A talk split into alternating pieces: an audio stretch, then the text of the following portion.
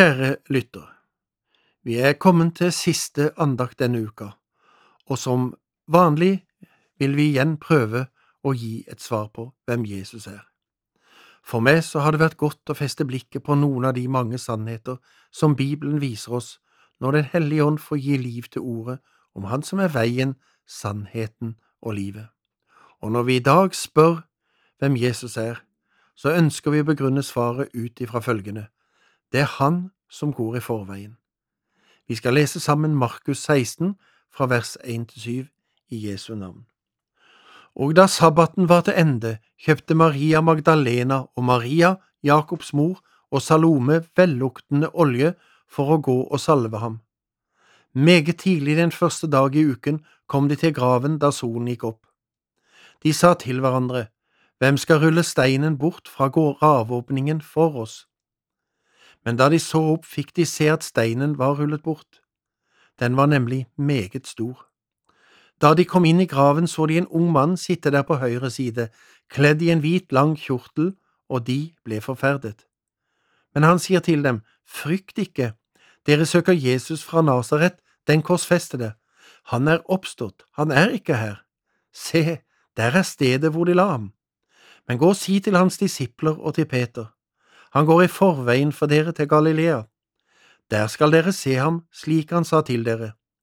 De gikk da ut og flyktet i hast bort fra graven, skjelvende og grepet av forferdelse. De sa ikke et ord til noen, for de var redde. Det er fint å få avslutte denne andaktsserien med å fokusere på at Jesus har gått foran. På vei til grava var bekymringen stor hos kvinnene.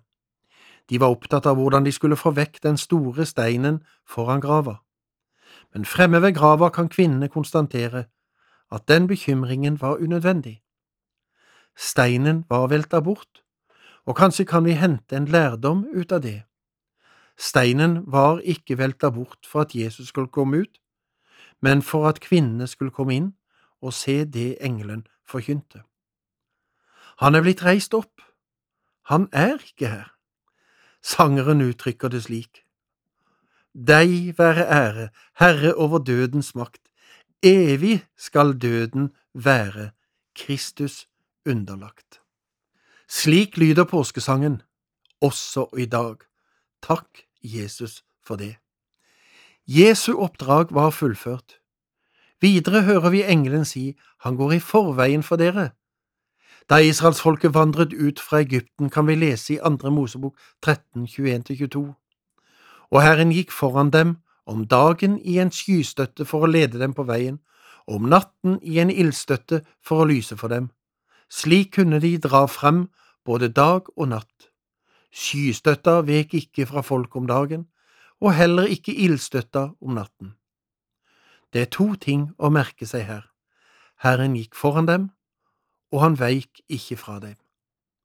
Om vi er troløse, er han trofast. Og i brevet har han sagt det slik, Jeg skal ikke slippe deg og ikke forlate deg. Han kjenner veistykket du går nå.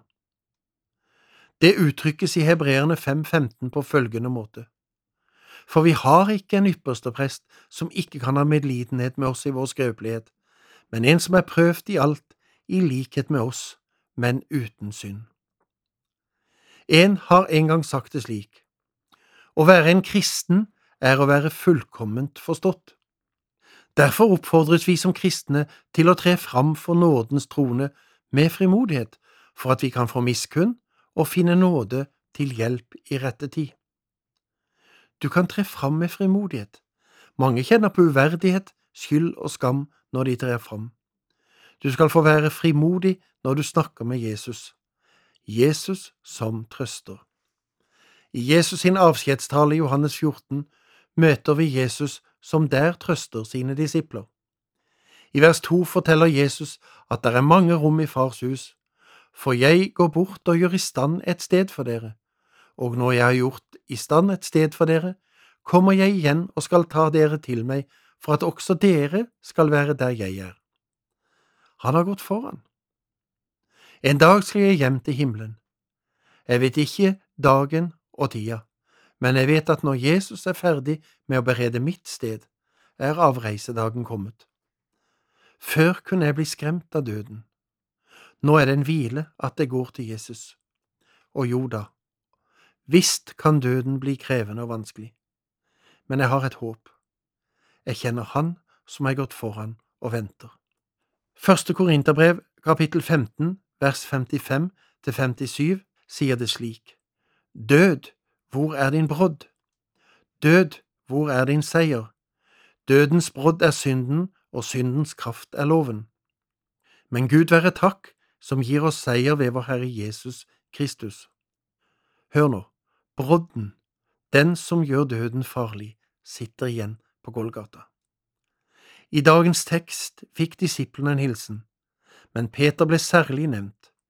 Kanskje trengte Peter det etter at han nektet på at han kjente Jesus. Jesus gikk i forveien til Galilea, der Peter fikk møte Frelseren. Du som hører på i dag, har det kanskje slik som Peter. Du trenger en ekstra hilsen fra Jesus, selv om du kanskje tenker at du ikke fortjener det. Jeg vil si det som profeten Mika sier det i kapittel 7, verset 18. Han skal igjen forbarme seg over oss, han skal trå våre misgjerninger under føtter, du skal kaste alle deres synder i havets dyp. Det er dette budskapet som møter oss på Golgata. Jesus gikk foran og banet veien. Jesus er hjemme i himmelen. Han har gått i forveien og ber for sine i dag. David har satt ord på dette på en fin måte i Salme 17. Han begynner og avslutter salmen med å vise til rettferdigheten. Rettferdigheten i Kristus. Dit tar David sin tilflukt, der finner han nåde, og når døden har gjort sitt inntog, er Davids trøst som følger i vers 15. Jeg skal i rettferdighet få se ditt åsyn. Når jeg våkner, skal jeg mettes ved synet av din skikkelse. Snart skal jeg møte Jesus. Hvem er han? Han som gikk i forveien. Kjære Jesus, takk for at du er gått i forveien for meg. Amen. Andakten i Årenåpen bibel i dag var ved Ragnar Ringvold, og serien produseres av Norea Mediemisjon.